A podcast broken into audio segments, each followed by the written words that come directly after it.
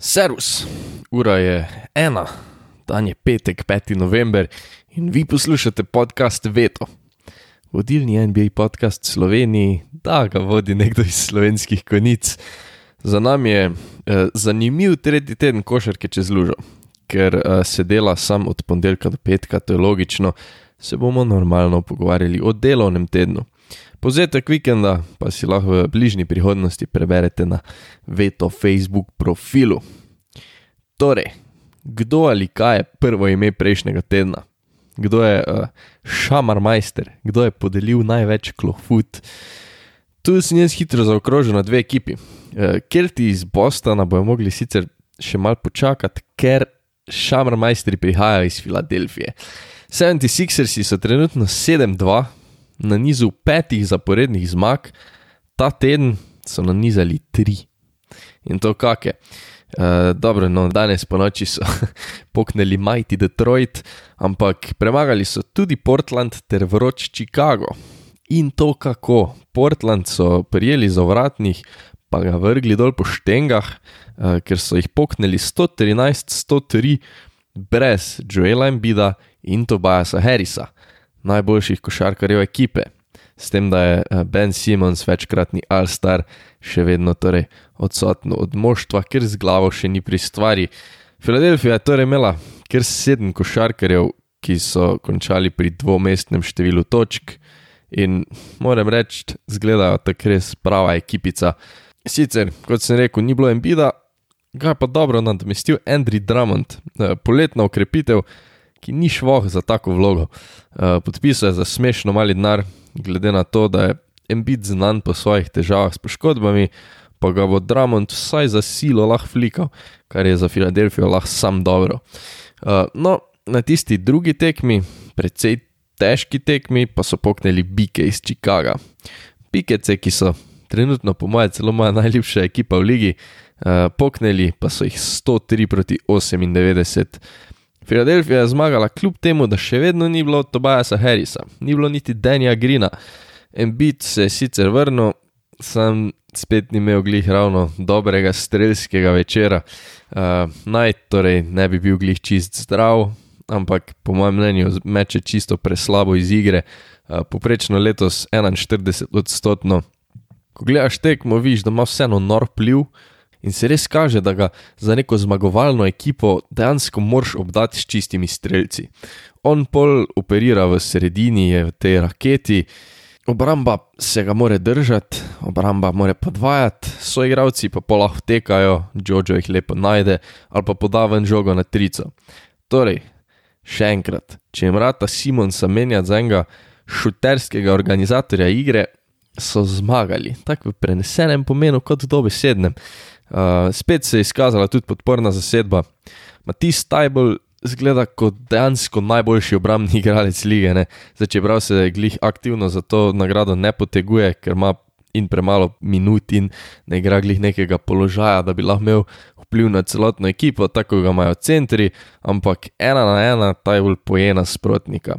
Spet dobro je igral Drummond, dobro je igral Shake Milton, dobro je igral Furkan Korkmas in pa predvsem Seth Curry. Mlajši bratec najboljšega šuterja vseh cajtov, ki pa se tudi sam postavlja to sredo, ne? ob 18 pikah na tekmo meče 53 postov za 3. Fuk je eno.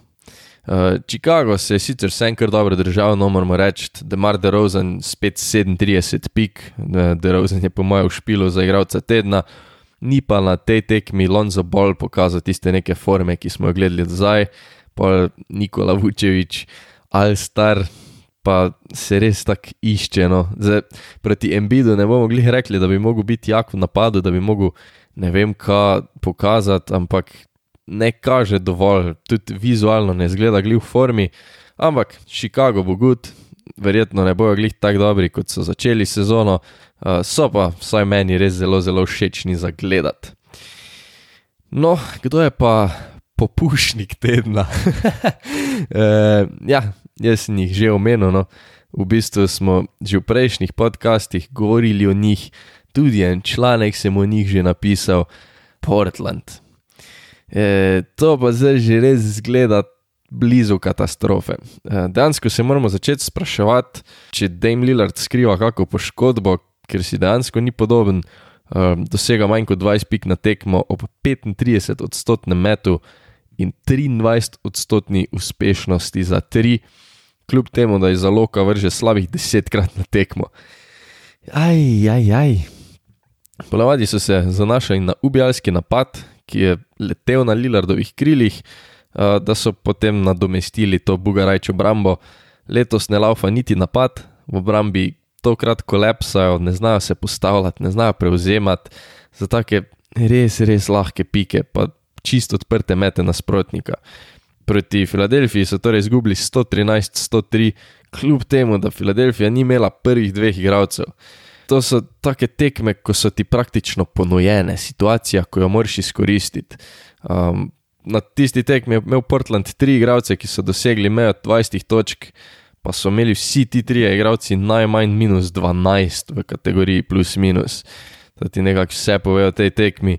Uh, no, drugo tekmo pa so 107 proti 104 izgubili proti Cleveland Cavaliersom. Po eni strani celo bolj štekam ta poraz, Kevsi so smešno sestavljeni, ampak igra teče, postava deluje. Uh, sestavljeni so iz čistega playmakerja Rikija Rubija, pa samih velikanov, za kere Portland pač ni imel obrambnega odgovora. Jared Allen, center, ki igra jako obrambo, ampak operira sam v raketi, je imel 24 pik pa 17 skokov. Res učinkovito predstavo. Na koncu je pa še pri zadnji posesti odigral zelo, zelo dobro obrambo nad Lillardom, ki je pol torej falil in dokončno zapečatil zmago Clevelanda. Um, da jim je imel vsem verjetno najboljšo tekmo sezone, 26 pik, 8 asistenc, ampak obrambe Portlanda spet ni bilo glih nikjer. No. Um, Kevsi so metali 15-30 trice, torej 50 odstotno, pri čemer jih je bilo veliko dokaj odprtih, ker Portland ni vedel, koga krije. Uh, in da jim ni pravi, zgleda, kot da ne more imati kontakta, fali take dokaj simple šote, včasih celo polaganja. In uh, res ne vem, če ni nekaj fizično narobe, no upam, da ni, uh, ali pa mogoče ta psihična blokada, ker se zaveda, da tu verjetno ne bo nič, no, uh, oziroma da s Portlandom se verjetno ne poteguje za najvišja mesta. Um, če zdaj tu zgleda, da ker vem, da ima za slabe predstave Trailblazer, se, se upravičujem, itak ni za on razlog. Je pa v končni fazi on tisti, na kjer ga vse pade. Ker je zvezdnik, pa bil je tisti, ki jih je vsa ta leta nekako držal z glavo nad vodo. Zdaj se je pa pokazalo, da praktično ne sme imeti slabih obdobij, če hočejo sploh v playoffe priti, kar je vse prej kot najstek za Dejma, kot za franšizo, kot za navijače. Še enkrat bom ponovil napoved, da pač mislim, da Lillard sezone žal ne bo končal v Portlandu, sicer bomo videli, kak pa kaj. Jaz vem, da je zelo, zelo romantično, ko košarkar takega kova špila celo kariero za eno franšizo, ampak žal tole ne gre nikamor. No. Uh, kam bi pa lahko jim šel? Ja, itak se zdaj tu ponuja, torej Filadelfija. Uh, ne dvomim, da ga bo večina medijev in uh, kvazi fanov tišala v Lakerse, čeprav ne vem, kaj bi Lakersi sploh lahko dali. Mogoče, mogoče, če bo Boston straglal pa Kelti celo zapakirajo Jalena Browna. Uh, in ko smo že pri Bostonu, lahko bi bili zmagovalec tedna, lahko bi bili pa tudi poraženec tedna, lahko bi bili šamar majstri in tisti, ki so najbolj popušili. Začeli so kot slednji, torej uh, popušniki, končali pa kar kot zmagovalci. No. Začeli so torej z polomom, katastrofo proti Chicago Bullsom. Zgubili so 128-114, torej za 14 točk, kljub temu, da so pri vstopu v zadnjo četrtino vodili za 14 točk.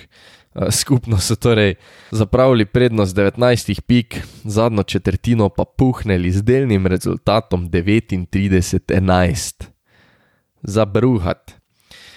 Kar se Chicaga tiče, bi spet v središču pozornosti Demar DeRozan capno 37 pik, 7 skokov, metal je celo 3-4 trice, ne, torej 75 odstotkov za 3, čeprav sploh ni znan po metu z razdalje, ker nasprotnike razstavlja s tem svojim mid-rangerjem, pozabljenim metom, metom z vrha rakete, ki ga vsi označujejo za najslabši šot v moderni košarki. DeRozan ga pa šopa v eno in je od tam skoraj nezaustavljiv. Iz igre celotno je metal 75 posto. 75. Pol je tudi Zek Levin prispeval svoj del, 16 pik, 7 asistenc, na začetku zadnje četrtine pa je poskrbel nekako za zagon motorja in za nekaj minut takeoverov za res pomembne pike. Ampak, da se dotaknemo propada Boston Celticsov. Zdaj, pri obeh ekipah se ni igrala glih neka nora obramba, to je jasno. Kelti so kar dolgo dobro izkoriščali pick and roll akcije na Nikolo Vučeviča. Vuč preprosto ni mogel prevzemati, so ga šolali in dosegali easy pike, tako nekako, no posledično so pa biki ene parkrat zaspali v obrambi za odprte trojke Bostona in tako je izgledalo skozi prve tri četrtine.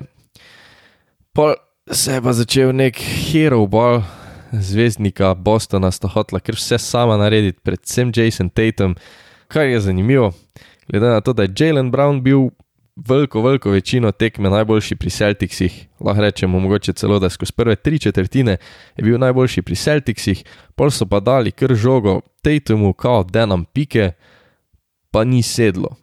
Jaz še vedno štekam, da je Jason Tatum prvi igralec ekipe v redu, ampak če Brown ubija, zakaj bi mu vzel žogo? Ne razumem, uh, kakorkoli Tatum je tekmo končal pri minus 24, uh, Boston je propadel, to je bila sicer ena tekma, ampak ena v nizu mnogih, s tem pa se je nekaj šele začelo. Pol je bil po medijih bolj kot propad Bostona Markus Smart, ki je v intervjuju po tekmi skritiziral svoja soigralca, uh, prva zvezdnika ekipe, češ, da se kot celotno moštvo preveč zanašajo na Tatuma in Brauna ona dva pa ne podata, hočeta praktično vse narediti sama. Jaz se tu strinjam, smart ima delno prav. Um, zdaj, če prav ni bil nek full-on rent tisti, da bi šel na harda špukat po ekipi, jaz mislim, da je to kaj korektno vse povedal. Se mi vsem zdi, da ni to zdaj za klih komentirati v intervjuju, v javnosti. Je pa res vidno, da Boston, TechFace nima organizacije napada, uh, TechFace nima nekoga, ki bi povezal vsa ta orožja in dejansko dajo žogo enemu od onih dveh, Brown pa Tatum, pa tunelska vizija, kak bi bil ta prevod, tunnel vision, kao sam grema po pike. Uh, in mene je to kar mal spominjalo na predlanske kliperse, uh, tudi lanske v končni fazi, ko so pač dali žogo PG-13 ali pa Kawaii, pa kao, da nam točke. No, in kar se pa Bostona tiče, pa se je pol zgodila ena večerja, zdaj noben se ne zna glih odločiti, ali je bila players only večerja, je bil players only meeting, ali so bili tudi trenerji tam. Uh, ampak očitno so se zmenili, no, ker od tistega kolapsa proti Bullsom so dobili že dve tekmi. Eno, ok, proti Orlando, kul, cool, kakorkoli, Orlando, whatever, drugo pa so razmontirali Miami Heat, kar je hudo zanimivo, glede na to, kako je Miami do zdaj špilo. Uh, treba je reči, da je bila tekma proti Miami tek precej grda, sploh prva četrtina je izgledala neverjetno raztrgana na obeh straneh, drugo Miami tak ni vedel, kaj dela, ampak uh, noben mu ni zaglih res šlo, no ni bilo lepo zagledati. Sam Boston je igral obrambo. Čeprav niso bili noro vroči, so trgali, raztrgali igro Miamija, pokazali so veliko volje, da bi jih ustavili. No. In to je vodilo do tega, da je Miami dal sam 33 pik v prvem polcajtu, sam 9 v drugi četrtini. 9, stari, kar je noro meni. Uh, Boston pa si je veliko bolj porazdelil delo v napadu. Šest košarkarjev je preseglo dvomestno število pik, obramba pa je na dveh zaporednih tekmah nasprotnika držala pod 80 točkami, kar je spoštovanja vredno. Proti Orlandu so torej zmagali 92 proti 79, z Miamijem pa so igrali 95-78. Nice. Uh, če pa je hit Boston dal 33 pikov po cajtu, pa so jih dala so nasuli 46 v četrtini, uh, za dokaj lahko zmagano 125 proti 110. Tu se je pokazala tista dominacija Miamija, obrambna dominacija, predvsem, ko je naprimer PJ Tucker je kriv Dončiča, uh, ampak so bili sposobni takoj rotirati, ga je takoj lahko pokril nekdo drug, uh, da Dončić ni mogel praktično dihati in obrambne rotacije Miamija so ubijalske. Poleg tega lahko rečemo, da sicer Dallas špila bolj kolektivni basket, žoga bi najbolj šla tudi v končni fazi gre, ampak gre čisto prepočasi. Mislim, ni zgrajena ekipa za tako igro, da žoga gre, no, tako da ne vem, Tyler Hero špila noro, sklop se da 25 pik, končal z 21 plusa, ko je bil na igrišču. Um, poleg tega moramo pač reči, da je ok, se je bila dobra obramba, ampak Dallas tudi res ne na dobro meče za tri, kot je cela ekipa, ne na meče dobro za tri. In čeprav so kas spremenili, torej ta pristop od lani, uh, več žoga gre, več podaj, se zdi, da so še vedno čist preveč odvisni od tric, torej če trica ne sede, ne zmagajo. Sem da pač ne špila več sistema, ki bi favoriziral in pripravljal mete za tri, tako da vse skupaj še vedno imaš skregano z logiko. Uh, in če prav, na primer, statistika, mogoče pa ne kaže glih tega, se mi zdi, da je dala za izgubo tok 50-50 žog, da jih je že to mal neslo. No? Tak, vedno, ko so se borili za žogo, se mi zdi, da je dobil Miami, ali pa je pol Mavsom šla v avt, ali pa kakorkoli. No. Kar se obrambe tiče, nismo zdaj pričakovali, da oddala z neka vele sila, ampak isto. Podobno kot Portland ne prevzemajo dobro, no, eh, tranzicijski obrambi jih tudi ni glih. Posledično je Miami metal 50 posto za 3, štirje njihovi basketaši pa so presegli mejo 20 točk, kar je nedopustno. Tu se zdaj pozna tudi, da sta oba prva bigmena poškodovana. Za Kristapsa Porzingisa, ok, smo to že tako navajeni, bolj je tu problem za Maxi Kliber, ki je po mojem mnenju celo najboljši bigman v ekipi. On bi znal biti dober teden avtno, nekaj štihnilo v križu, upam, da ni prehudo. Je pa treba tudi reči, da se v Dallasu za zelo, zelo, zelo všečno svetlo točko kaže Jalen Brunson. Eh, letos je po mojem gladko drugi najboljši posameznik Dallasa. Tekmo z Miami je končal pri 25 točkah, pa 7 skokih, ter prispeval vseeno nekaj ključnih metov, no ko je še kazalo, da bi Dallas mogoče lahko dosegel. Dosegajo tudi točke pod osebnimi napakami, tako da je igral zelo, zelo dobro. Ključen pa je bil tudi za zmago na drugi tekmi Dallasa med tednom, ko so sicer glih za glih 109 proti 108 premagali San Antonijo s prse. Jalen Brunson je takrat prispeval 31 točk, 10 skokov, v bistvu on zaključil tekmo in prispeval 13 zaporednih točk v zadnji četrtini. Nekaj svetlih pik pa vse en ima Dallas, tu je treba tudi dati props Luki Dončiću, ki je pustil Brunsonu, ki je bil več kot očitno vroč, da tekmo zaključi. Um, Tako da, ja, no, speed round, en hiter krogec. Toronto Raptors letijo pod radarjem, trenutno so 6-3, imajo dva dobra vina nad New Yorkom, 113 proti 104 in pa Wizardsi 109 proti 100, trenutno so na 5 game winning streaku, torej 5 zaporednih. O Lakersih sem se danes zavestno odločil, da se ne bom preveč pogovarjal, ampak ne igrajo glih obrambe, no, ne izgledajo usklajeni, kot da se jim praktično ne da špilati obrambe, niti Anthonyju Davisu, ki bi jo mogel nositi. Danes po noči ena spet katastrofa. Eh, popušili so 19 točk prednosti proti Oklahoma City Thunderju. Oklahoma ima obe zmagi proti Lakersom, imajo samo dve zmagi, obe so proti LA-ju eh, in enkrat so fafnili 16, enkrat pa 19 točk comebacka, tako da eh, Lakersi bodo to mogli porihtati. Je pa tudi res, da je Lebron outside za en teden, tako da bomo videli. Uh, tekma med Brooklynom in Atlanto je šla tako, kot smo pričakovali. Ni glih obrambe, veliko, veliko napada, gledali smo pa skoraj tri-point contest med Hunterjem in pa Harrisom, sploh v prvem polcajtu. Deandre Hunter je končal z 6-6 za 3, Joe Harris pa za 6-8, ostro streljci. Memphis Grizzlies so zmagali back-to-back tekmi proti Denver Nuggetsom. V drugih besedah to pomeni, da so Nuggets izgubili back-to-back tekmi proti Memphisu. Eh, ne bomo še sprožili alarma, kar se Denverja tiče, eh, bojo pa mogli najti neko stabilnost. No.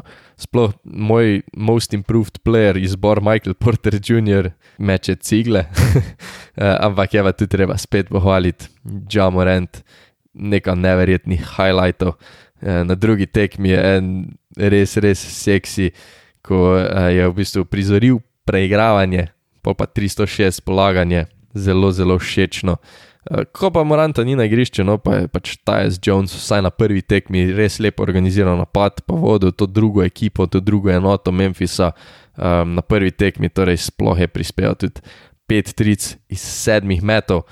Mogoče treba omeniti še prvi pik na letošnjem naboru, Kate Cunningham skozi svoje prve tri tekme meče uh, 1-21 za 3. Avč, uh, to je malce zaskrbljujoče, no? ker se pri vstopu v ligo, kao poleg njegovega pregleda nad igro, feelinga, ponašal glih z zelo, zelo dobrimi procenti, ampak tri tekme, ruki, ne bomo zdaj glih uh, preveč sklepali. Potem so padli tudi City Edition dresi. Meni osebno no, se mi zdi, da mi je najlepši Memphis. Lanski resi so sicer bili lepši, ampak Memphis pa New York ima tako zelo, zelo všečne. Uh, najgrši osebno so pač meni Lakersi, tudi vijolično plava mi ne sede. Uh, na koncu pa še malo neka taka neugodna. Uh, Robert Server, lastnik Phoenixa, je po informacijah, ki so prišle nekaj tednov nazaj, no, po informacijah o spolnih škandalih po informacijah, da ga glede teh škandalov preiskuje liga, eh, nam je še enkrat postregel s kontroverznostjo. Eh, svojim trenerjem se je pritoževal, da zakaj Draymond Green lahko govori, pa se dere en word, torej slabšalnica za temno pol tega, on pa je ne sme uporabljati, zakaj lahko Green to govori, ko laufa gor pa dol po igrišču. Eh, po naj bi se z enim pomočnikom trenerja mal skregala, ker je pač to rekel, da kao. Eh, server tega več ne sme govoriti, v glavnem scene. In začele so se zdaj tudi pojavljati izpovedi zaposlenih, pa bivših zaposlenih o delovnih pogojih pri uh, Phoenix Sunsih, ki naj bi bili kar toksik. Uh, tako da bomo videli, kaj se bo iz tega izcimlo. Uh, NBA to zdaj preiskuje. Zaenkrat pa zgleda, da bi dejansko znal server iti po stopinjah Donalda Sterlinga, ne, ki so ga zaradi rasističnih opazk prisilili v prodaja ekipe. Tako da, ja, no, bom razbil šparoček, pa proval kupiti sanse. Tako smo pri koncu. Uh, bojite pozorni na Facebooku za recap vikenda v pisni obliki. Uh, če radi kaj športnega preberete, torej pa bom vesel, če se oglasite še na spletni strani in preberete kak članek. Za debate sem vam na voljo na Facebooku, Twitterju, Instagramu, link do vsega imate v opisu epizode. Kar se podcasta tiče, pa noro cenim če se naročite ali pa če komu iz srca priporočite. Bodite fajn.